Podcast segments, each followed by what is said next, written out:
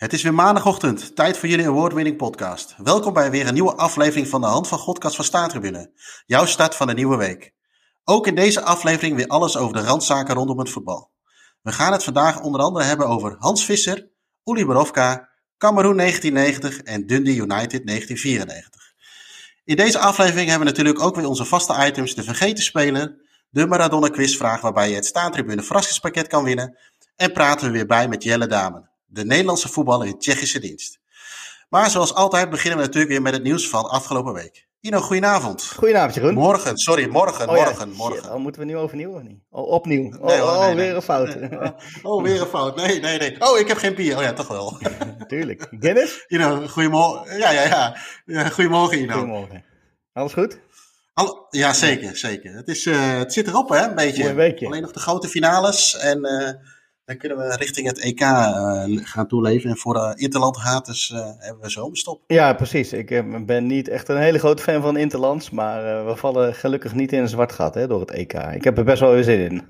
Dus laat maar Ja, komen. ja, nou, nou, mooi. Ehm, zit jij, heb je wat vocht voor je staan? Ja, nee, ik, ik mag mezelf sinds deze week een influencer noemen.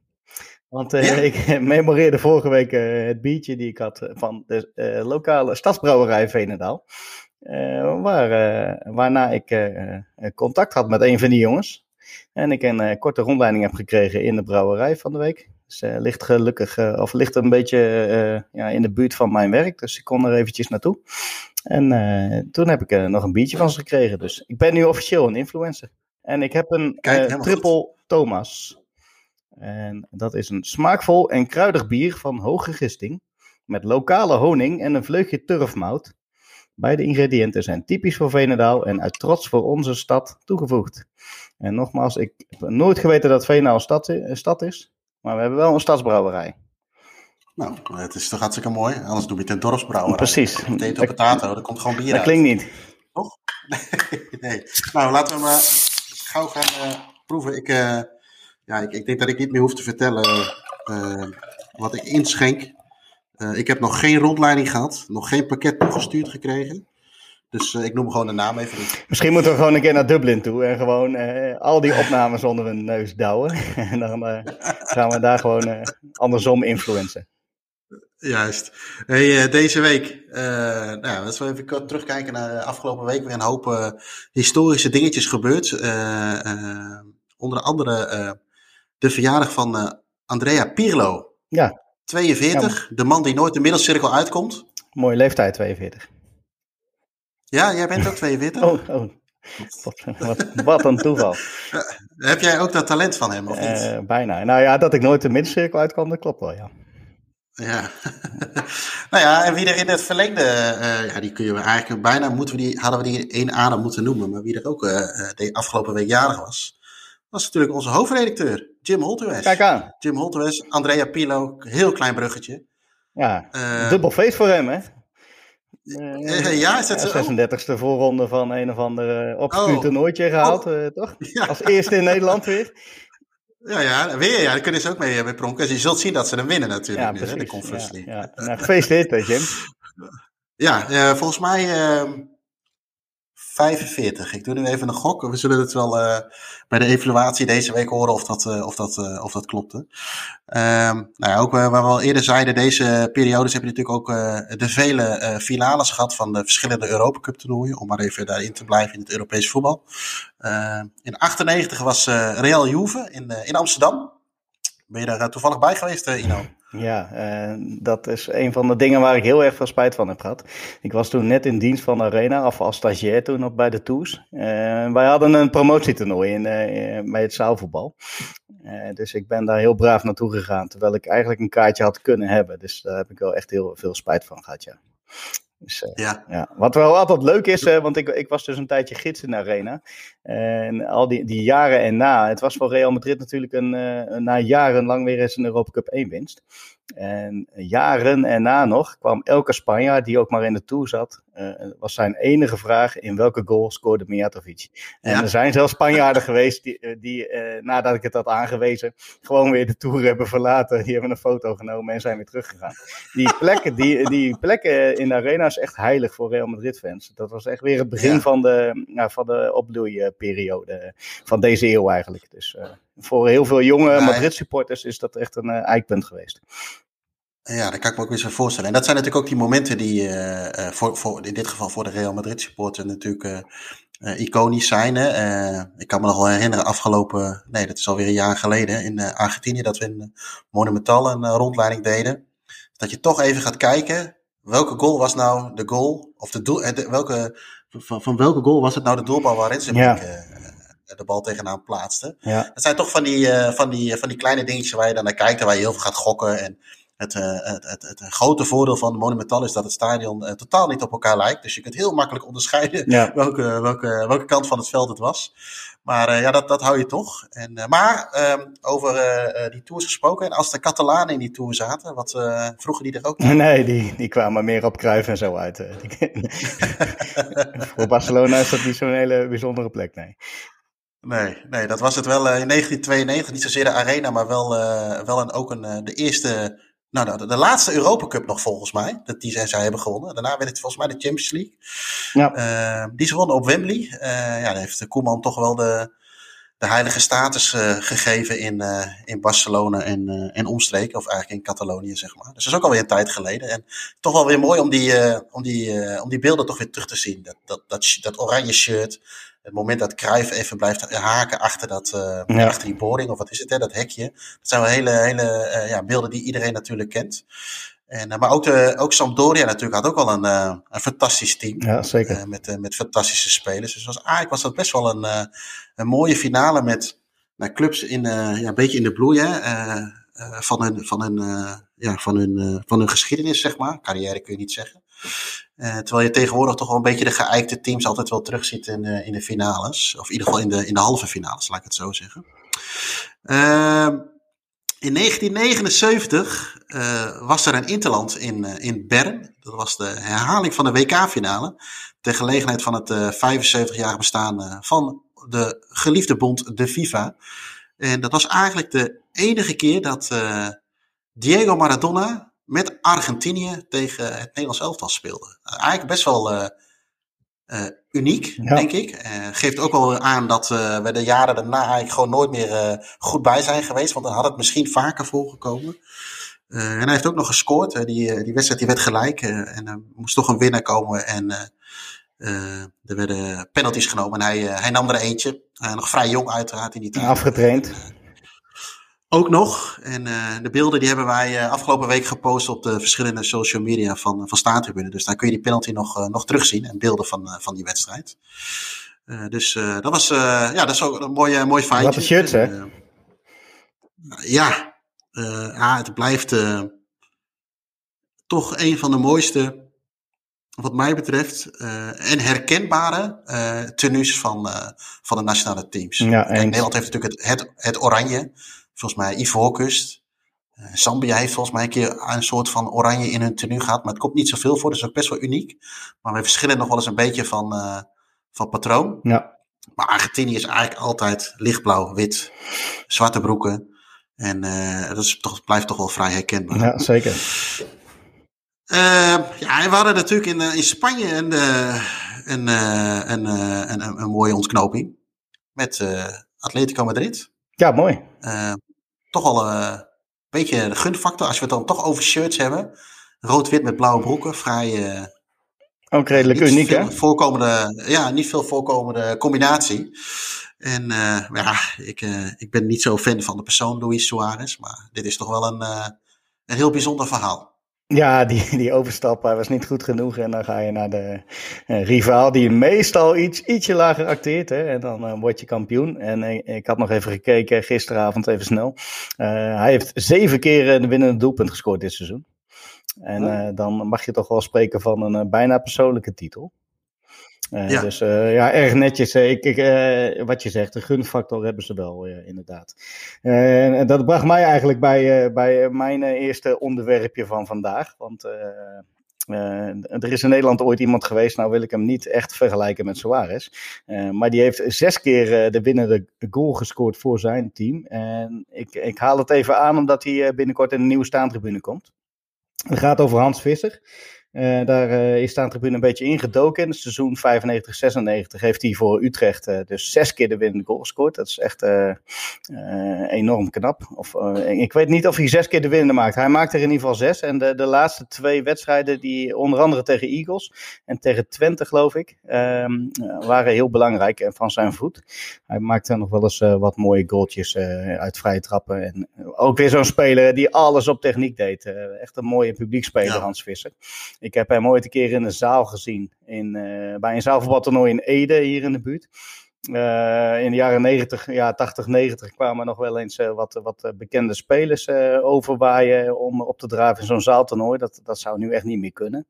En toen maakte hij met zo'n, ja, ik heb het even opgezocht, met een rainbow flick. Het is dus die beweging ja. als je je bal achter je, onder je klemt, tussen je voeten en dan opwipt en dan over je heen.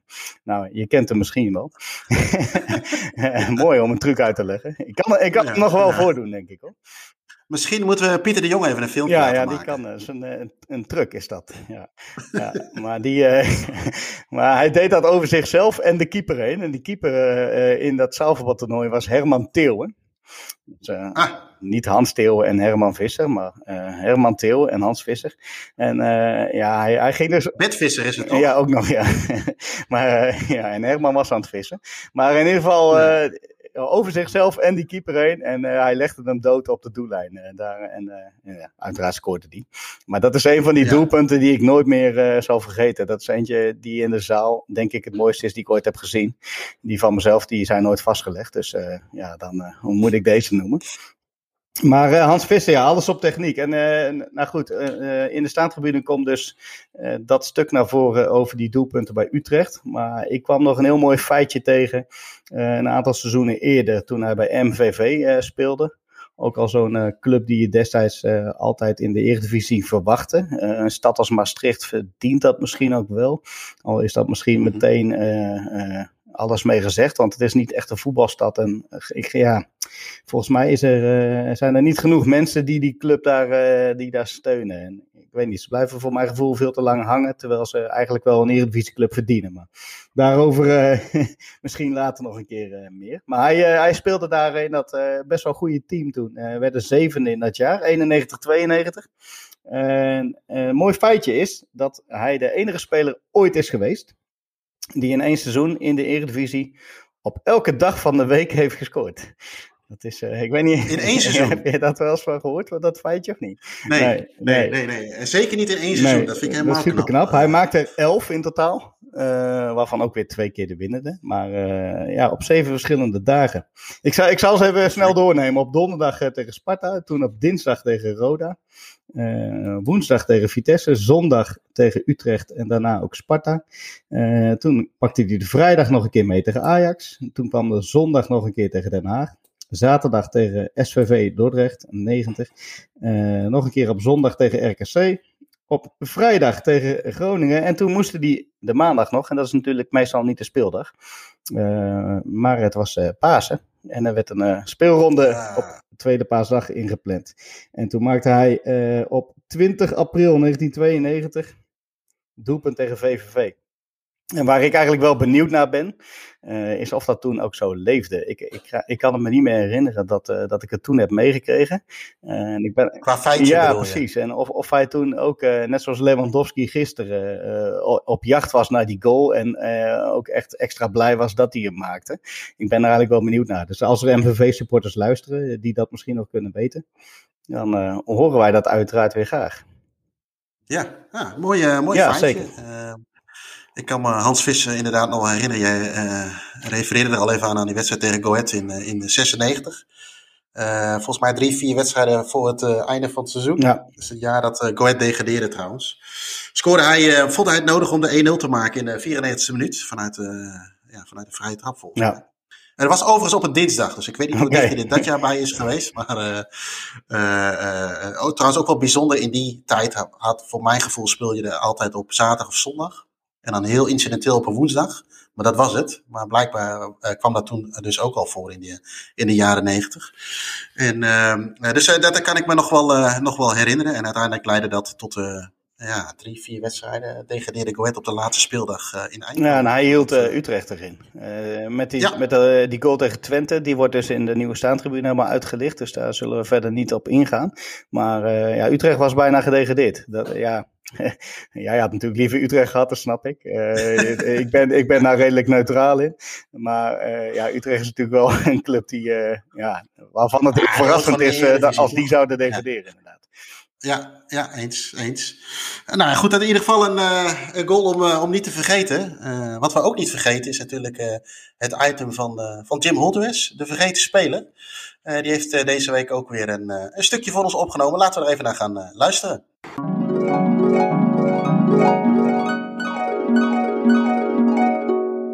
Voor de vergeten voetballer van deze week heb ik gekozen voor een speler van een van de promovendi. Namelijk van uh, Cambuur Leeuwarden. Nogmaals uh, gefeliciteerd jongens met het kampioenschap in de eerste divisie. Ik ga het hebben over een oud speler voor jullie die in de jaren 80 voor Cambuur uitkwam. Meer dan 200 wedstrijden speelde. Mark Payne. En dan niet Payne P-A-I-N, dus zoals pijn, maar P-A-Y-N-E. 60 jaar, hij wordt op 3 augustus 61. Geboren in Cheltenham, Engeland begonnen bij het plaatselijke Cheltenham Town. Nou, ik ben even in zijn carrière gedoken. vind niet heel erg veel over hem. En uh, sommige dingen die ik vind, die uh, spelen elkaar ook nog stegen. Dus uh, daar moest ik even goed in sorteren. Maar hij is ooit begonnen als apprentice bij Bristol City, leerlingprof, waar hij een tweejarig contractje kreeg. daar werd hij ontslagen wegens een vechtpartijtje. Ja, toen moest hij zijn, el, zijn hel elders zoeken. En hij werd postbode hij speelde ook in het nationale Engelse postbode elftal. Dus misschien wel samen met Pieter Post. Ha, hele leuke grap. En uh, daarin speelde hij een interland tegen het Nederlandse PTT-elftal. En daarin speelde weer Gerry de Jonge, een speler van Cambuur. En Peter Schat, een speler van Sneek. Uh, tegen hem. En die, uh, die waren dusdanig onder de indruk dat ze het bestuur van Cambuur eens van nou, je moet eens naar die Mark Payne gaan kijken. Dus Cambuur die stuurde een scout. En ook hij was onder indruk van, van de Engelse aanvaller. En ja, Cambuur die, die bood meteen een tweejarig contract aan. Hij kostte slechts naar verluid 7000 pond. Dus echt een bel aanvallen konden ze ook niet. hij was maar ook maar 20 jaar. En in artikelen die ik vind over zijn komst. daarin staat dat hij op dat moment speelde voor een, een club met een bijna onuitspreekbare naam. Tewkesbury Town FC. Volgens Wikipedia overigens Ledbury Town. Maar ik ga maar af op wat Mark hier zelf zegt. Hij zegt ook in het artikel dat hij zowel links- als rechtsbenig uh, is. En uh, een uitgesproken centrumspits.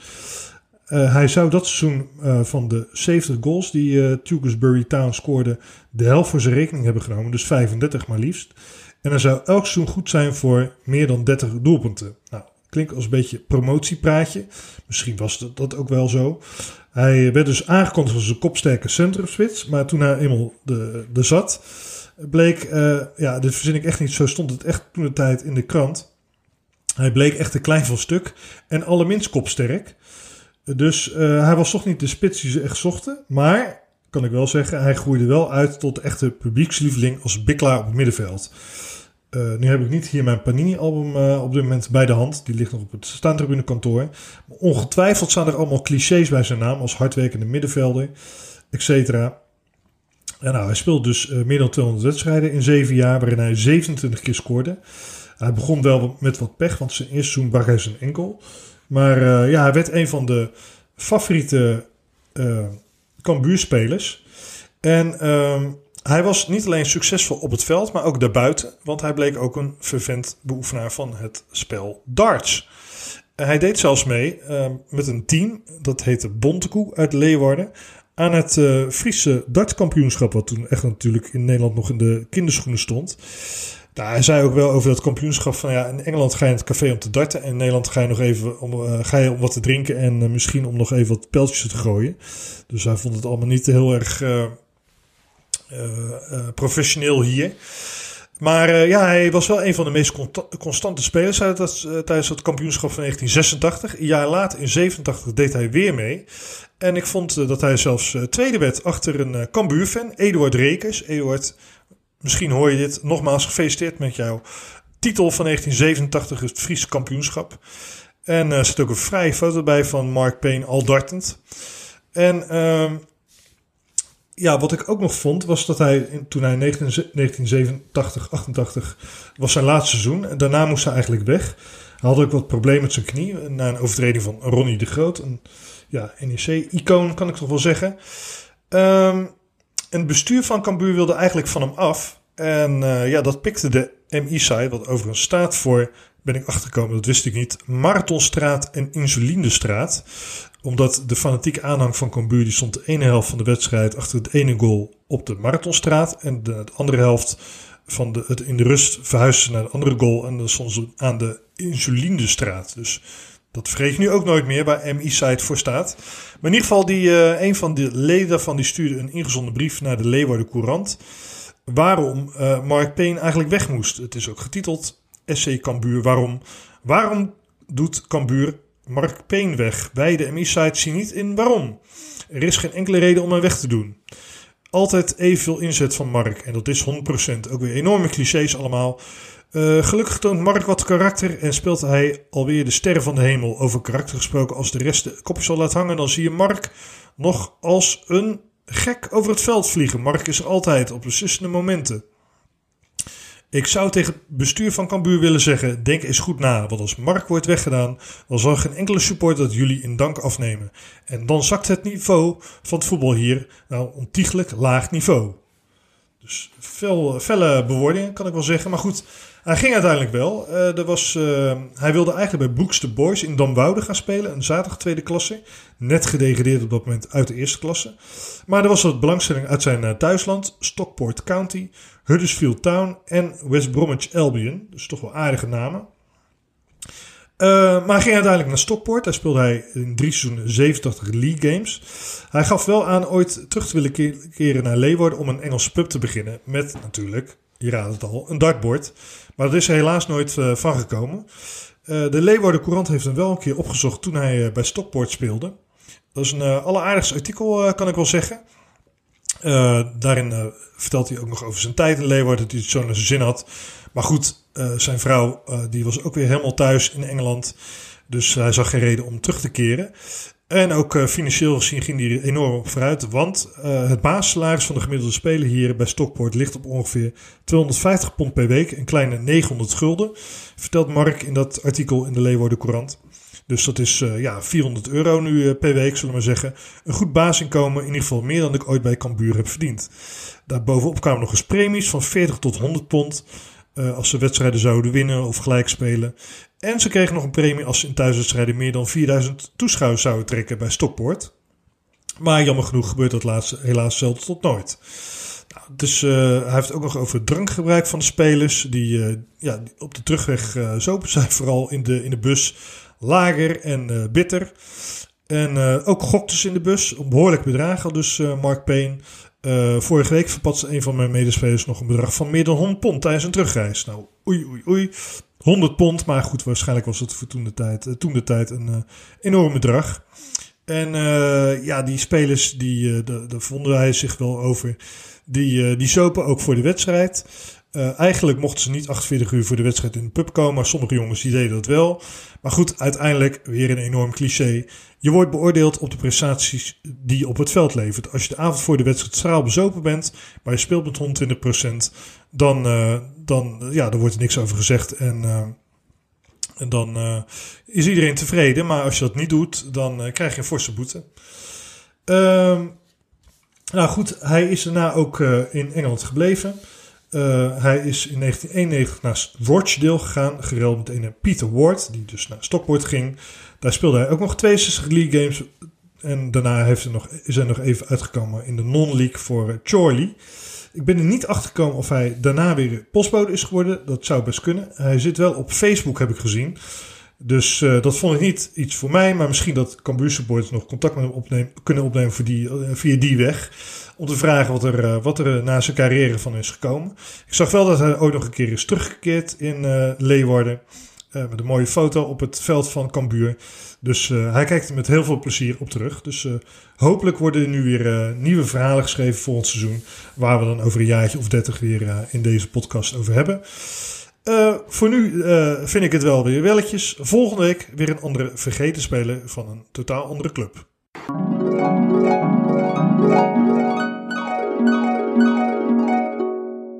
Goed, dat was, was Jim met Mark Payne. Ehm, ja, Komt de vraag weer. Moet ik het maar weer vragen? Ja, hè? zal ik hem... Maar de, de, zeg, zei het jou ja, wel, deze ging wel iets meer uh, richting herkenbaarheid, maar uh, ook niet heel veel. Maar daar is een rubriek ook voor natuurlijk. Ja, ja, ja, daarom. Dus uh, als we nou met de geëikte voetballers zouden komen, dan hadden we het niet de vergeten speler hoeven te noemen. Precies. Dus, over, uh, over, spelers die, over, over een speler gesproken die ik uh, nog niet vergeten was door uh, de, het nieuws van afgelopen week. was een van de spelers die op dat moment ook, ook jarig was. Hè. Daar worden, worden we altijd een beetje door getriggerd. Dat was Uli Borovka. ja, ik moet dan altijd zelf denken aan het EK 1988. West-Duitsland, of in West-Duitsland en met West-Duitsland. En dat was eigenlijk zo'n zo'n zo'n zo'n Uber ja, toen mocht je dat zeggen, zo'n Ubermof, zo'n Uberduitser, zeg maar. De naam al een beetje, nou, een beetje, een beetje Pols natuurlijk, klinkt het ook wel een beetje trouwens. Maar je had uh, Guido uh, Boegwald, uh, nou ja, de andere uh, ellendelingen hoeven we denk ik niet te noemen. Maar uh, nou, Eike, Eike Iemel natuurlijk in het hok bijvoorbeeld, hè, ook nog zo eentje. Uh, maar die, die, die, die, die kwam ineens naar voren als, als jarige. En dan dacht ik, verdomd ja, die gast hadden ze ook. En ja, die stond ook wel beter bekend als, als De Bel. En die werd gewaardeerd en gevreesd als, ja, als, als, als sterke verdediger. zijn voetbaltalent scheen vrij beperkt te zijn, maar hij werd toch wel als een van de beste verdedigers, verdedigers in zijn tijd geschat of geschaald. En hij kon ook vrij goed woordje trash talk, of hij kon vrij goed trash talk, zoals dat mooi heet. Uh, zo had hij ooit een keer uh, Olaf Toon als tegenstander bij zijn Bundesliga-debuut uh, tegen Gladbach gezegd van... Nou ik ga vandaag je beide benen breken. Uiteraard niet gebeurd, want de Duitsers hebben altijd een beetje een grote mond natuurlijk. en uiteindelijk was dat niet, niet gebeurd. Maar ja goed, hij was ook een... hij is ook, en dat moet ik ook bij hem altijd weer aan terugdenken. En dat vind ik dan altijd wel weer mooi hoe dat zoiets werkt. Als je dan op zoek gaat. En hij heeft natuurlijk ook onder andere bij Weer Bremen gespeeld. Overigens nu ook gedegradeerd als ik het goed heb. Ja. een bizarre tweede Bundesliga volgens Ja, inderdaad. Met trouwens een klein uitstapje HSV Bremen. Bremen HSV, dat is misschien nog wel een keer een leuke om, om, om te zien. Ja, HSV die, die chokte hem aardig weer aan het einde. Ja, hoewel beide stadions natuurlijk wel enorm ruk zijn. Ik had graag de oude, het oude Bremen stadion nog wel een keer willen zien. Maar, maar, terug naar, naar ja, die tijd met, met Borovka. En hadden ook van die hele bijzondere shirts die ik me nog wel kan herinneren van de sportshow. Die witte met, met, met groene vlakken. En dan die sponsor met een beetje met zo'n geel vlak ervoor. En dan groene broekjes. En, maar goed, hij, hij was dus bij zijn directe collega's zeer geliefd. Bij zijn tegenstander minder geliefd. En hij is ook een aantal keer verkozen op rij tot minst geliefde voetballer van de, van de Bundesliga. Of minst populair, hoe je het ook moet omschrijven. en toen zat ik het linkje een beetje te leggen richting, richting Nederland. En de eerste namen die mij dan naar voren komen, is toch altijd weer Van Bommel op een of andere manier. Uh, nou, je zegt het zelf. Uh, ja, wie dat, dan, wie dat dan zou zijn, zeg maar. Uh, maar goed, misschien moeten we ook nog eens een keer de, deel 2 van de meest gehate voetballer opnemen. deel 1 liepen we al aardig leeg met de voetballers die we zelf allemaal wat minder vriendelijk Ja, daar zaten de meeste wel in. ja, in, in 88 deed hij dus ook mee met het met het EK zat hij bij, de, bij, de, bij die manschaft. En hij droeg uh, in alle zesde wedstrijden droeg hij droeg die shirt van dat elftal. ook een soort van iconisch shirt, hoewel ik hem niet zo snel aan mijn collectie zal toevoegen.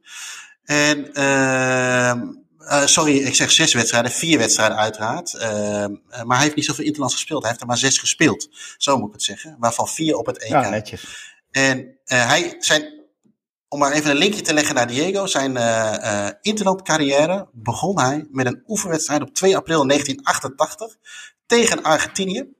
En uh, hij heeft naar eigen zeggen is hij nog in bezit van het shirtje van Maradona uit die tijd. Nou, Dat kunnen er niet heel veel zeggen, denk ik. Maar hij is er, er, er dus eentje dan, van. Dan denk ik dat we een En- keer langs moeten gaan bij Uli. Ja, ja, want eh, wat ik ook mooi van aan die wedstrijd is, eh, en dat shirtje zou ik wel een keer willen toevoegen, want zo schijnheilig ben ik dan ook alweer. Eh Duitsland speelde die wedstrijd in een, in een uitshirt, in dat shirt waar Nederland ook in Ja, het speelde. groen, toch? In het groen. En volgens mij hebben ze daar op het WK 90 ook in gespeeld. Dus dat was ook wel, ja goed, dan kunnen we er meteen twee, twee meenemen. Dan moeten we hem alleen wel even bedreigen. En ik denk dat hij niet meer zo stoer is als vroeger, dus dat moet wel lukken. Ja, we met z'n tweeën En dat was namelijk. ja, en het was een soort van eh vier landen toernooi in Berlijn wat ze, wat ze toen speelden. En eh, nou ja, goed, voor hem is dat toch wel een van de hoogtepunten van zijn carrière, als ik, eh, als ik het zo mocht lezen. En hij, heeft, ja, heeft dus uiteindelijk als echte herinnering dat shirt gekregen. En, maar iedereen wilde dit, dat shirt volgens hem. Klinsman, Matthäus Vullen, iedereen wilde dat, dat shirtje hebben. Maar uiteindelijk is hij dus, heeft hij Maradona in de spelerstunnel naar zich toe getrokken en het shirtje geruild. Dus ik denk dat het shirtje van hem bij hem in die eh, eh, loods ligt in eh, Buenos Aires bij al die shirtjes die Maradona ooit gewisseld heeft. Ehm nou goed, hij was zelfs zo bang dat hij, hem, dat hij het shirt weer kwijt zou raken. Dat hij hem onder de douche en alles meenam. Dus ja, daar kan ik me ook wel iets bij voorstellen. Ja, goed, na zijn carrière ging het allemaal wat, wat minder. Hij, heeft ook een, hij heeft ook een boek later daarover geschreven. Hij was tijdens zijn carrière al vrij verslaafd aan, aan alcohol. En eh, aan, het, ja, aan het einde van de carrière veroorzaakte hij ook een auto-ongeluk onder invloed. En eh, ja, dat was eigenlijk eh, ja, meteen einde carrière voor hem. Want hij parkeerde zijn Porsche tegen een boom. En, hij bleek dus, en de reden bleek dus alcohol te zijn. Maar hij, hij bleek het al langer te hebben. En ook al onder wedstrijden, voor trainingen. Nou ja, weet je, de bekende verhalen van, van mensen die alcoholist zijn, denk ik. En dan ook nog moeten sporten. Hij heeft het heel lang kunnen verbergen. Maar ja, goed, hij had... eh, in zijn nieuwe huis ook een grote koelruimte bijvoorbeeld achter. En dat was eigenlijk voor groente en fruit bedoeld. Maar hij ging daar zelf altijd in zitten en eh, dronk dan gewoon een kratje weg. Dus eh, best, wel, best wel heftig. Nou, uiteindelijk gerevalideerd. En wat hij nu tegenwoordig doet is mensen helpen met alcoholprobleem. Dus daar heeft hij zeker van geleerd.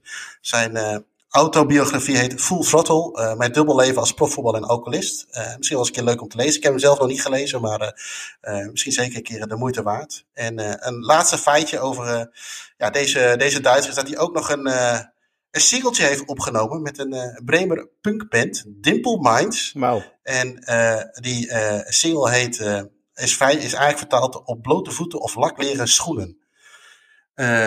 Ja, ik weet niet zo goed wat ik daarvan moet vinden. Misschien past het wel bij hem. maar ik vond het vooral leuk eh, of mooi om te zien dat hij ook met, eh, of tegen Maradona Ik, ik denk eh, dat we had kans hebben als we daar naartoe gaan. ja, gewoon lakleren schoentjes aan, dan hebben we kans. Ja. Goed, zoals eerder eh, eh, gezegd eh, speelde Borovka ook eh, tegen Maradona. En eh, zoals elke week hebben we eh, de Maradona quizvraag. En ook deze week hebben we voor jullie weer een nieuwe vraag. Sai perché mi batte il corazon visto Maradona, ho visto Maradona Oh mamma, innamorato son Maar voordat we naar de nieuwe vraag gaan, moeten we natuurlijk eerst de eh, vraag van vorige week beantwoorden. Eh, de vraag kwam eh, uit de koker van, van Ino. Op eh, 30 januari 1980 lukte het keeper Julio Falcioni om als enige keeper ooit twee strafschoppen van Diego te stoppen in één wedstrijd. Eh, wie was de tegenstander en dus de club van deze keeper van, eh, van Boca die dag? Eh, het antwoord is eh Velez Sarsfield. Eh, en eh, we hebben meerdere goede antwoorden gekregen. Eh, ook wat eh, mooie beide handen antwoorden als eh, van... hey, vorige keer won de, de eerste... of de persoon die het als eerste had ingezonden de prijs. Laat ik hem nu maar proberen als laatste eh, te versturen. Nou, eh, helaas niet geworden, want wij doen altijd eh, natuurlijk eh, een vrij eerlijke trekking. Eh, wat we overigens ook zagen was dat er twee mensen uit... eh, uit Blokker een, een antwoord hadden inge, ingestuurd. Eh, niet in dezelfde straat, niet dezelfde achternaam. Dus uh, wij zijn dus blijkbaar in Blokker een, een geliefde podcast.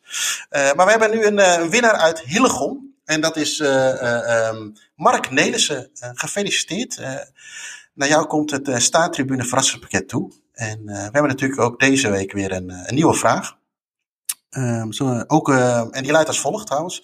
Um, ook Diego zat net als de hedendaagse voetballer uh, onder de plakplaatjes. Uh, zo had hij natuurlijk op zijn arm een uh, mooie afbeelding van de Che Guevara staan.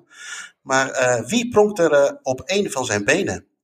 Nou, mocht je dit antwoord weten, stuur dat dan naar podcast.staantribune.nl met jouw naam en jouw gegevens en uiteraard het goede antwoord. En dan maak jij kans op, de, op het Staantribune verrassingspakket. Mama, sai perché mi batte il corazon. Ho visto Maradona, ho visto Maradona. Oh mama, innamorato son. Goed, ehm, ik denk niet een hele moeilijke vraag dit keer, Ino. Of eh, ik denk dat we alle foto's wel een beetje af kunnen speuren. Ja, Heb je- nee, Ja, toch? Die, die, die weten we wel. We gaan, eh, we gaan nu voor vier goede antwoorden uitblokken. ja. Eh, nou ja, weet je- wie ook... eh, ja, mijn echte, echte eerste kennismaking met Maradona was, het, was op het WK 1990. Eh, dat is ook denk ik echt het eerste toernooi wat ik goed heb meegekregen. 88 ook wel mm, redelijk. Maar 90 echt, echt serieus. En nou is het zo dat op die dag 8 juni 1990 eh, eh, was, mijn, eh, of, ja, was mijn verjaardag. En die dag bleef de hele familie en vrienden en, en buren bleven hangen voor de openingswedstrijd van het WK 1990. Tussen Argentinië en Cameroen. Ehm, ja, Cameroen was toen toch al een van de verrassingen van het toernooi. De ontembare leeuwen. Het eerste Afrikaanse land die de kwartfinale bereikte. Op een WK. Daarna nog twee keer geëvenaard. Was Senegal 2002, Ghana 2010. Ja. En nou ja, die hadden bijna de halve nog gehaald, maar dat is weer, uh, weer wat anders. Uh, maar wij kwamen deze week op Cameroen WK 90, uh, omdat ja, de, eigenlijk de twee grote sterspelers allebei jarig waren afgelopen week. En dan hebben we het natuurlijk over Oman Biyik, die de ja. openingsgoal maakte in de wedstrijd, nou ja, op jouw verjaardag dan dus, tegen Argentinië. En, en natuurlijk Roger Milla, de man van de dansjes, hè, die, die ja. destijds al 38 jaar was. Uh, oudste uh, goalscorer werd op een WK en dat vier jaar later nog even dunnetjes overdeed in, uh, in 94 dus. Op zijn 42ste. Toen scoorde hij tegen, tegen Rusland, Rusland-Cameroen. Jij weet vast wel wie hij die dag de hoofdrol opeiste. Salenko? Zeker, ja. Vijf doelpunten van uh, Salenko. Ja. ja. ook een echte one-day fly wel. Maar uh, ja, hij, ma hij, maakte daar uh, dus het enige doelpunt. En in zijn laatste interland, 42 jaar. En dus op twee WK's gescoord. Dus dat record zal denk ik nog wel even blijven staan. Ja, Gok ik zo. Oman Biyike scoorde ook nog een keer in 94. Maar uh, ik heb me even een klein beetje geconcentreerd op 90. Ik vond namelijk wel grappig de carrière van Roger Milla. Die, die begon natuurlijk al ergens in de jaren 70. Dus uh, super ver weg voor een speler die nog vers in mijn geheugen zit. Uh, in de jaren 80 speelde hij best wel voor wat bekende Franse clubs. Zoals Monaco, Bastia, Saint-Etienne, Montpellier. Um, maar hij speelde eigenlijk voor een club uit Réunion, een Franse enclave geloof ik. Uh, toen hij op dat WK 90 uh, uh, floreerde. En dat is natuurlijk best wel apart. Daarna ging hij weer terug naar zijn vaderland en heeft hij ook nog even in Indonesië bij wat clubs gespeeld. Okay. Dus, dus best een aparte carrière. Op het moment dat hij het meest bekend was, speelde hij bij de minste bekende clubs. Maar goed, hij is dus 69 jaar geworden deze week. En hij uh, maakte in 78 al zijn debuut voor Cameroen. 102 interlands zag ik. Met 28 doelpunten. En speelde ook nog op het WK 82. Helaas zonder doelpunten. Ja. En twee keer de Afrika Cup gewonnen.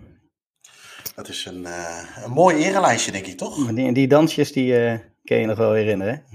Die, ik, die deden we naast stiekem toch op het veldje. Ja, en ik, kan, ik, ik, kon, ik kon ze in ieder geval niet meer op mijn 38e nadoen. Nee, uh, nee, nee. Dat, ah, dat, dat elftal had natuurlijk. Uh, ja, en hij heeft een enorme indruk achtergelaten. Tenminste, bij mij wel. Ja. Uh, ik moest ook best wel eventjes. Uh, weet je, ik ben ook best wel.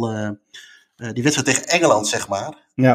dat, vond ik echt, dat vond ik echt zonde. Dat zij niet nog een ronde doorgingen. En ik denk dat dat sentiment zonde dat je. Wat je tegenwoordig natuurlijk een beetje hebt van.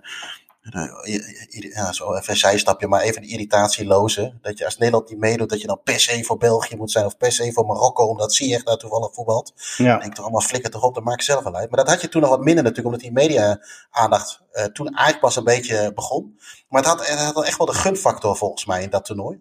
Ja, ik, dat, en, uh, ik heb het daarna eigenlijk altijd wel bij, bij uh, diep Afrikaanse landen, om het zo maar even te noemen, gehad ja? hoor. in 94 Nigeria, dat vond ik echt een fantastisch elftal. Ja. Met Yekini en Amokachi, en die, die was ik ook altijd op de veldjes. wederom. maar goed, Senegal Die was jij niet op de veldjes? Ja, ik, ik, ik was iedereen, behalve mezelf. en Senegal 2002 natuurlijk ook, dat was ook een mooi elftal. Ja, Dus, eh, ja, ik heb er altijd wel wat sympathie voor gehad. Dus eh, die, die eh, openingswedstrijd, eh, dat was zo verrassend. Eh, zelden zo'n verrassing gezien, denk ik. Want eh, maar Argentinië ging daar natuurlijk wel even weer die cup pakken. Nou, Ja. Eigenlijk een veel minder elftal eh, eh, in 90. Maar Ja. ja, dan ga je de eerste eh, eh, wedstrijd verliezen. Ze gingen samen met Nederland nog als beste nummers drie door, eh, Argentinië. Ja, klopt. En eh Cameroen, eh, ja, die, die was gewoon eh, al na twee wedstrijden geplaatst. Want die wonnen daarna ook nog van Roemenië. Met twee goals van Roger Milla. Dus ja, mooi, mooi WK voor ze. Ja, ze hadden ook allemaal van die, eh, eh, eh, van die, van die schitterende namen in de elftal. Wat, hè, misschien was het ook allemaal weer een beetje naïef of eh dorpsgedachte. maar er zaten natuurlijk op dat WK 1990 eh, eh, ook wel wat landen. Ja, goed, ik, volgens mij heb ik dat vaker genoemd, die ik nog niet eens kende. Costa Rica, dat soort, dat soort dingen. Ja, maar dan kom je ook in zo'n eerste wedstrijd naar Argentinië, kende je dan een beetje. En eh, ja, dan kom je ineens uit bij, eh, bij, bij Cameroen met, met, met Oman Biek, nou ja, hoe heet die, Tata, hele, hele gekke namen, een Congo, of een Kono, sorry, als keeper. Hè, daar ken je dan nog een beetje vanuit die, Ja. vanuit die plaatjes, plaatjesboeken. En, maar ook die overtredingen die ze hadden, maar ook vooral die, die kopbal van Oman Biek, die 1-0. Ja, die, als je dat nog eens terugziet, die foto's zoals het getimed is, die gast die springt zo enorm hoog. Ja dat Eh, kon niet. wel. overigens was het wel een houdbare bal. Weet je nog wie de, wie de keeper was? Makanaki trouwens, nog zo'n mooie naam. Makanaki, ja. Eh, maar- Keeper van uh, of niet? Nee, die kwam daarna in. Pompidou was de, was de Oh, keeper. Pompidou, Die, ja, eh, ja, Die, die, raakte, die raakte verving hem, geblesseerd. Ja. En toen kreeg je daarna Goycochea een enorme penalty killer. Je moet trouwens voor de gein uh, Goycochea uh, nu eens opzoeken op Instagram. En ja, heb ik gedaan. voetballers- Ja. Ja, oh, heb ik dat was eerder genoemd volgens mij. Nee, nee, Eh, maar ik, ik, oh. ik kwam mezelf tegen, ja. Maar een enorme hipster eh, is dat geworden. Eh, maar Enorm ik, afgetraind.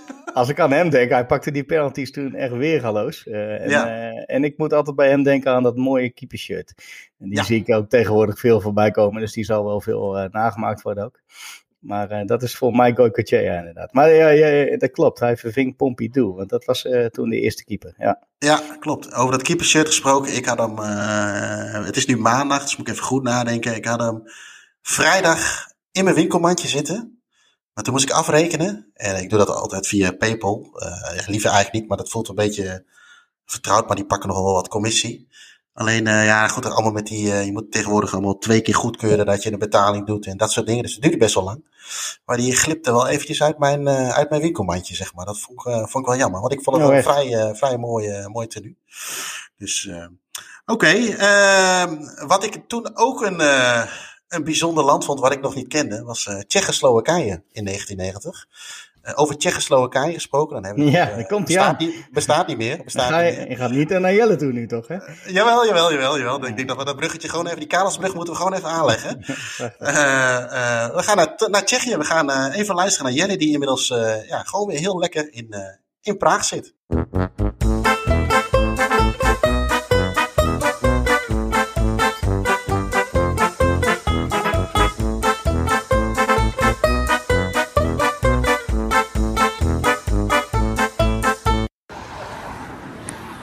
Jeroen, goeiedag. Ik sta hier bij een Doli Check, stadion van Bohemian Spa. En eh, ja, over eh, iets minder dan drie kwartier is hier de laatste thuiswedstrijd van het seizoen van Bohemian Spa. En niet zomaar eentje. Dat is de derby tegen Sparta Praag. En ja, dat is natuurlijk wel leuk. Ik heb helaas geen kaarten kunnen bemachtigen. Eh, er mogen wel ongeveer 1260 fans aanwezig zijn. Maar dat is natuurlijk alleen voor de, de echte, echte diehard fans van, van Bohemians. Eh, ik ben er toch even heen gegaan. Het is mooi weer. Ik, eh, het is eigenlijk ook midden in de stad, dus ik loop er zo naartoe. En dit is, ja, dit is echt een mooi stadion. Ik kan hier echt, ze hebben eigenlijk één grote hoofdtribune. En nou ja, je weet het wel. Maar, en de rest, ja, dat, dat is niet zoveel. Maar ja, de sfeer die hier, hier hangt. En dus, eh, ja, de supporters die, die je allemaal ziet, allemaal in het groen-wit. Ja, dat is echt heel mooi. Het is allemaal echt oud. En ja, dat, ja dat, daar word je wel blij van. Als, eh, als, als groundhopper zijn, zou ik bijna willen zeggen. Ehm, ja, verder, ik, ben, ik heb deze wedstrijd, stadion heb ik één keer bezocht met een wedstrijd. Dat was vlak voor de pandemie uitbrak. En dat was de derby dan toen tegen Slavia, waar ze nu dus tegen Sparta spelen. Ehm, toen won Bohemians met 1-0 en dat was hartstikke leuk, want ik stond, ik had toen ja, op straat had ik gewoon een ticket gekocht. Want het was eigenlijk helemaal uitverkocht. Maar er staan de mannetjes buiten het stadion. Ticket, ticket. Ik denk, nou, ik probeer het. Omgerekend 20 euro. En uh, ja hoor, ik kwam zo binnen. Uh, en, ja, en toen werd er eigenlijk aandacht gevraagd voor de bosbranden in Australië. Want ja, Bohemians, die hebben als logo hebben ze een kangeroe. dat komt omdat ze toen heel vroeger zijn ze ehm, ja, naar Australië gegaan op wereldreis om daar ehm, ja, demonstratiewedstrijden te spelen. Uh, en als dank daarvoor, want daar zijn ze echt drie maanden geweest volgens mij ongeveer. Um, en als dank daarvoor kregen ze van Australië kregen ze twee kangoeroes uh, mee terug. Uh, om in de dierentuin te laten zien hier in Praag. Dus nou ja, zo is het eigenlijk de bijnaam de kangoeroes. Klokani in het Tsjechisch is dat zo gekomen. En ja, toen waren die bosbranden en toen hebben ze gezegd, nou, daar willen we geld voor inzamelen. Slavia kwam op bezoek. Slavia, die hebben een Chinese eigenaar. En ja, sindsdien, of een Chinese investeerders in ieder geval. En sindsdien ja, zijn ze eigenlijk veel te goed uh, voor de competitie. Um, en ja, omdat toen was het coronavirus eigenlijk alleen nog maar uh, in China, uh, in die kant op. En toen ja, werden de, de uitsupporters werden daar ook ja, getrakteerd op een op spreekkoren erover. Dat ze, dat ze allemaal maar een mondkapje op moesten doen omdat ze, omdat ze het coronavirus zouden hebben. Nou ja, goed. een maand later zaten, zaten we zelf in, in die pandemie. Dus, nou goed, dat hebben we geweten. Um, ja, wat uh, wil ik hier verder nog over kwijt? Uh, ja, geen idee. Het is, het is mooi. Ik, ik vind het jammer dat ik niet bij kan zijn. Het is de laatste thuiswedstrijd van Bohemians. Ik had hem graag nog even bezocht. Um, volgende week ben ik waarschijnlijk wel bij de wedstrijd van Sparta. Sparta Praag, laatste thuiswedstrijd. Hopelijk gaat hij nog ergens om. En dan uh, hou ik je gewoon weer op de hoogte. Tot zover. Doei.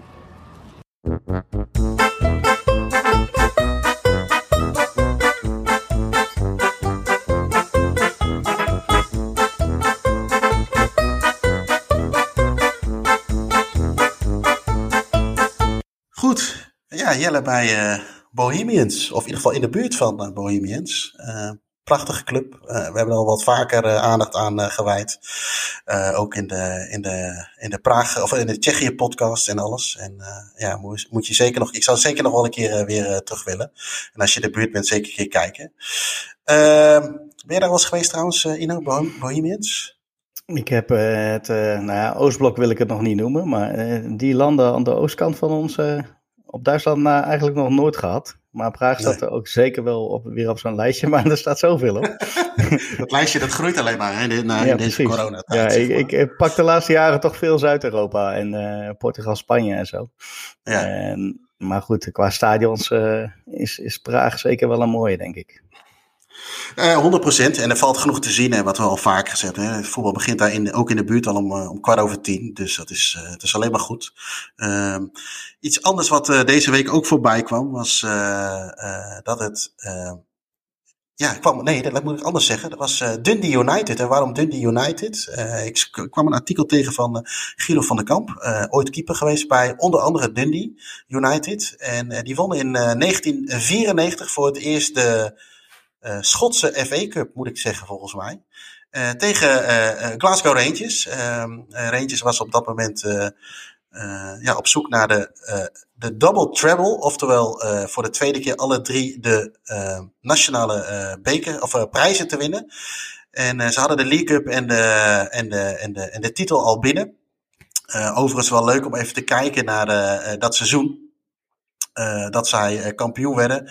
Uh, ja, ik heb toch altijd een beetje in mijn hoofd zitten dat het altijd uh, Rangers Celtic is. Uh, 1 en 2 of, of net andersom.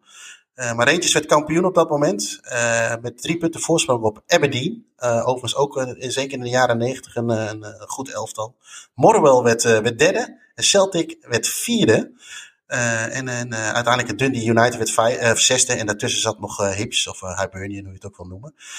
dus dat vond ik wel even grappig, grappig om te zien. En onder andere bij, bij Rangers speelde een Mark Hately, Ellie, Ellie McCoy. vind ik ook zo'n echt zo'n jaren negentig voetballer voor mij. Uh, maar goed, die waren dus uh, uh, ja, op zoek om die laatste prijs ook nog even binnen te hengelen. En ja, wat ik al zei, de, Guido van der Kamp stond toen onder contract bij, bij Dundee United. Er was overigens nog een Nederland die onder contract stond op, op dat moment. weliswaar zijn laatste seizoen. Weet je toevallig wie dat was, Ino? Fred van der Horen, denk ik. Lees je dit niet Of was die bij Aberdeen? Nee, nee, nee. eh, eh, Fred van der Hoorn. Nou ja, Ik daar gingen veel. Nee, wacht, wacht, wacht. Aberdeen was Hans Schilhuis.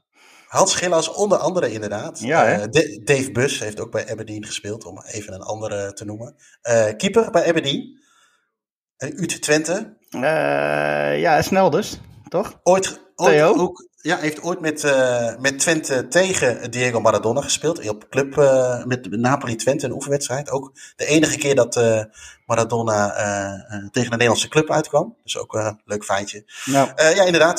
Theo Snelders, inderdaad. En eh, eh, nou ja, goed, op dat moment. eh eh, eh, Fred van Horen, inderdaad, klopt. Eh, ze hadden eh, op dat moment ook voorzitter Jim McLean. eh, ook wel een bekende naam. Was eh, meer dan twintig jaar eh, coach bij Dundee United. Eh, net het, eh, het jaar ervoor de, eh, eh, de touwtjes overgedragen naar, de, naar een andere trainer. Dus hij was eh, op dat moment voorzitter.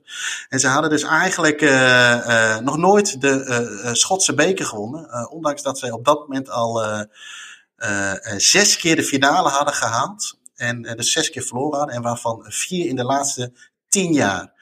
Nou ja, goed. eh, ze hadden, ze dus netjes gehandhaafd. Eh, eh, Rangers was natuurlijk dik favoriet. En eh, ja, er zijn, wel wat artikelen te vinden met, eh, met eh, Guido van der Kamp van... Ja, die heeft echt wel een heldenstatus ook gekregen doordat hij ook in die wedstrijd gekiept heeft. Eh, maakte ook een, een enorme belangrijke redding nog op, een, op, een, op een inzet van, van Mark Hatley. Ook een bekende Engelse voetballer uiteraard.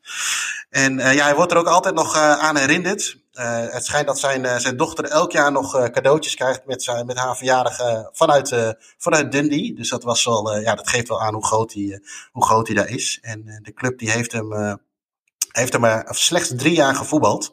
Maar heeft hem in, de club heeft hem in 2015 toegevoegd aan de Hall of Fame van, van Dundee United. En nogmaals, voornamelijk door die helderrol in de, in de bekerfinale. maar hier niet zo bekend. Nee, hij is reservedoelman geweest achter eh, een, een wel bekende doelman Jan van Grinsven bij, eh, bij FC Den Bosch.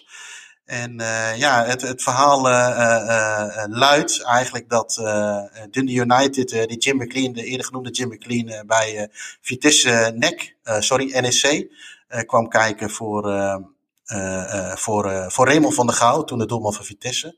En Van der Kamp speelde toen voor NEC. En eh, die verving eh, dat duel de geschorste Wilfried Brookhuis. Wie kent hem niet? eh, eh, bij NEC. En dat eh, ging blijkbaar zo goed dat, eh, dat hij naar eh, Dundee gehaald werd. En eh, dus eh, eh, ja, kun je zien maar weer hoe het loopt. Hoewel eh, Van der Gouw uiteraard ook geen eh, vervelende carrière heeft gehad. Dat is een van de Ja, weinige maar die, club- die Brookhuis was ook best goed, toch? Hij had nog wel eens een poedeltje volgens mij. Dat zit een beetje in mijn hoofd. Ja? Ja, ik, eh, Wilfried Brokkenhuis staat er nog wel bij vanuit de VI. Dat dat wel eens een kop is eh, geweest. Maar misschien, Ja, eh, dat is een beetje in mijn herinnering. Maar mijn beleving wel een hele goede clubkeeper.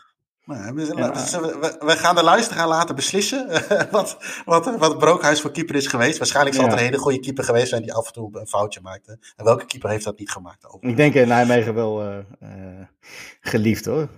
Ja, alle alle mij- NEC'ers trouwens gefeliciteerd. ja, ja bij deze. niet. Dus, eh, eh, eh, volgend jaar een paar eh, mooie derbies er weer bij. Hoewel dat met, met NAC natuurlijk ook prima had gekund. Maar eh NEC Vitesse weer terug op papier is altijd wel, wel leuk. NSC, hè, zeg ik het weer. Ja. Ehm, terug naar Van de Kamp. Ja, goed, het eerste jaar had hij wat, wat moeite. Eh, maakte hij af en toe inderdaad ook een foutje. weinig clean sheets, wat natuurlijk belangrijk is voor een, eh, voor een keeper. Maar eh, in zijn laatste jaar knokte hij zich echt terug. Uh, keepte zelfs een wedstrijd met een vinger uit de kom. En zo stond hij dus ook aan de basis van het halen van die, van die bekerfinale. En ehm, ja, de rood naar de bekerfinale toe was, was op zich ook wel een grappige. Toen had je nog echt wel met, met replays te maken. Zij, maar ze wonnen eerst van Albroth. Uh, speelden ze twee keer tegen. Uh, Airdrie, als ik het goed uit mag spreken. En uh, uiteindelijk in de halve finale deden ze, moesten ze ook twee keer tegen Aberdeen spelen. De eerste belandde in een 1-1. Uh, belandde in een 1-1. En uiteindelijk wonnen ze met 1-0 in die, in die, in de halve finale door een goal van McAnally. ook wel een vrij bekende naam. Uh, nou, uiteindelijk uh, 21 mei 1944, of uh, 1944, op mij dan. 19, ik zit wel erg met die oorlog in mijn hoofd. 1994 uh, werd het, was het de finale tegen Rangers op, op Hampden Park. En nou, groot favoriet natuurlijk. Uh, bij Rangers ook spelers als Michalichenko, ook geen kleine jongen. 38.000 man op de tribune. En, en ja, uiteindelijk wonnen ze met, met 1-0 door een goal van Brewster. En uh, daarmee kwam een einde aan de vloek van, uh, van Dundee United. Uh, wat ik zei, die had dus al zes bekerfinales verloren. En Van de Kamp zag onder andere hoe een menigte van 15.000 fans in het, in het centrum van Dundee ja, uit zijn dak ging. wie wat meer wil weten over Dundee moet even luisteren naar onze podcast over het nachtleven in, in Engeland en Schotland uiteraard. er valt genoeg in, in Dundee te doen. En ja goed, maar daarna ja, goed, hij was een was zijn contract uh, afgelopen. En uh, toen zaten we nog voor het Bosman-arrest en kreeg hij een verlaagde aanbieding. daar ging hij niet mee akkoord, dus dat werd zijn, werd zijn laatste jaar. En toen ging hij terug naar Nederland. werd hij barman, omdat hij toch nog wat, wat centjes moest gaan verdienen. nou ja, na het Bosman-arrest is hij toch weer teruggegaan naar Schotland, waar hij nog bij drie, drie verschillende clubs keepte. Uh, en hij heeft ook nog gekiept bij Glentoran in Noord-Ierland. Nou ja, dat moet volgens mij toch wel een uh, soort van droom zijn voor een gemiddelde vinker slash groundhopper. Om in dat stadion één keer in de twee weken te, te mogen spelen. Ehm, als laatste, de vloek was opgegeven. later won Dundee in 2009-2010 nog een keer de, de Schotse beker door met 3-0 te winnen van, van Ross County. Dundee United, uh, you know, Dundee FC. Zou ik zeker een keer naartoe gaan. Ik kan me voorstellen, ja. Die, die, met die foto van die berg, toch? Uh, stadion met, of twee, twee stadions in één straat. Ja. En die ene heeft die knik erin zitten, uh, omdat die straat nou eenmaal ook die knik heeft. Ja. Welke is dat? Uh, dat, is, dat is Dundee FC. Uh, die straat was de eerste inderdaad. En daardoor hebben ze die tribune ook op die manier moeten, moeten bouwen. En ik, ik ben toen bij Dundee tegen Dundee United geweest kon je overigens voor de wedstrijd kon je nog even het stadion in. Of in ieder geval, uh, we hadden er even naar gevraagd. Een uh, half uurtje, drie kwartier voor de wedstrijd. Of we nog even bij Dundee United mochten kijken. Dat was, uh, dat was geen probleem. maar wij zaten toen ook op die tribune met die, met die knik erin. alles ontzettend krap trouwens, achter die tribunes. weinig place, weinig vreetentjes. allemaal, nou ja, je moet geen, geen claustrofobie hebben. Want dan heb je Zoals het hoort eigenlijk. Eigenlijk wel. Het is wel een Waar we weer een beetje naar verlangen. Ja, ja. Maar, maar hebben ze daar ook zo'n wandelcombi dan, of niet? Dat, is een, ja, dat weet ik eigenlijk niet. Dat doen ze niet alleen in Nederland aan combi's. Ik, ik, ik, denk dat ze eerst moeten omwisselen ergens op een parkeerplek uh, ja. uh, langs de Schotse snelweg. en dat ze dan met de bus, uh, bus die kant weer opgaan. Dus nee, zeker een keer doen. Ja, sowieso Schotland zou ik graag weer een keer naartoe terug willen. Al is het alleen maar om mijn ja. voorraad bij Joris op te pikken. Van, ja, precies. Van, van, pakken. ja. ja, over pyjama pakken. Ja, ik heb een mooi pyjama pak aan. Hè. Dus, uh, ja, ik zie het. Het is, ja, het is een fantastische.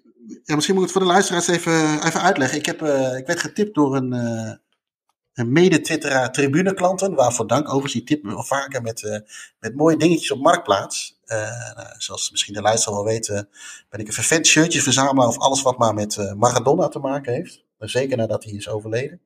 En die tipte mij op een, ja, op een katoenen shirt. Echt wel een beetje zoals in die tijd ook dat shirt uh, van Enera was. Uh, met van Enera met de logo van Napoli en een nummer 8 achterop gestikt. Uh, helemaal die kleuren van Napoli in blauw en ja, een beetje streepjes op de schouders. Dat maakt het wat clownesk, denk ik. dat geeft het pyjama gehalte weer, inderdaad. Ja, maar er is ook een nummer 8 achterop. Maar die is er ook echt zo opgenaaid, zoals je dat vroeger ook had. Dus, en ik had bij die man op Bankplaats had ik al een keer wat eerder gekocht, bijvoorbeeld een Adidas shirt van de voetbalschool van Carlos Bilado. En van uh, nou, best wel een mooi shirtje. Allemaal niet, niet te duur. En hij zei, ik hoef er ook niet dik aan te verdienen. Als ik de liefhebbers mee kan, uh, kan uh, verblijden, dan doe ik dat. Dus die naam ga ik niet prijsgeven. Zoals in de Shirtjes Voetbal podcast.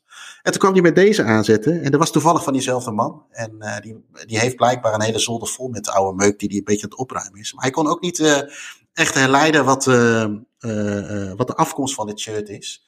En ja, ik ook niet. En ik kan het ook nergens terugvinden. Het zal wel een beetje uit de eind jaren 80. Misschien, nou, begin jaren 90 had je al wel een beetje dat polyester gebeuren, hè, volgens mij. Ja. Dat is wel een beetje zoals dat shirt is. Dus ik heb hem, uh, ik heb hem nu aan. Ik moet hem nog wel even wassen, want hij gaat uh, naar, zolder. naar de zolder. naar zolder. Dus uh, ik heb er een keer een plaatje van gepost. ook al even gevraagd of iemand er wat van weet. Dus mocht iemand wat weten waar dit vandaan komt. Of het is inderdaad, zoals iemand mooi opperde, de pyjama van Giuseppe. Uh, waar iemand in de buitenlander veel te veel geld voor betaald heeft. Dat zou ook kunnen. Uh, ik hoop dat ik het ergens in het midden kan laten. Dat zou het mooiste zijn. Ja, dat we gewoon niet weten wat het is. Nee. Dus, uh, nou ja, goed. Dit was hem weer, Ino, voor deze week. Nou, we kunnen gaan slapen in onze pyjama's. Lekker. Oh nee, man, het is lekker. natuurlijk maandagochtend. Nee, maar kunnen we nog steeds gaan slapen, hè? Ja, dat is zeker. la Garfield, zeg maar. Dus ja. goed, iedereen bedankt weer voor het luisteren naar deze aflevering van de Hand van Godcast. nou, Ido, bedankt. Um, mochten jullie tips, ideeën, opmerkingen of vragen hebben, dan uh, horen we dat uiteraard graag. En uh, al die zaken kun je mailen naar podcast.staantribune.nl. Uh, mocht je dit nou een hele toffe podcast vinden, dan zouden we het leuk vinden als je op iTunes een recensie bij de podcast van Staantribune zou willen achterlaten. En dan voor nu. Dat was hem weer, snuiters. Tot volgende week. Fantastic.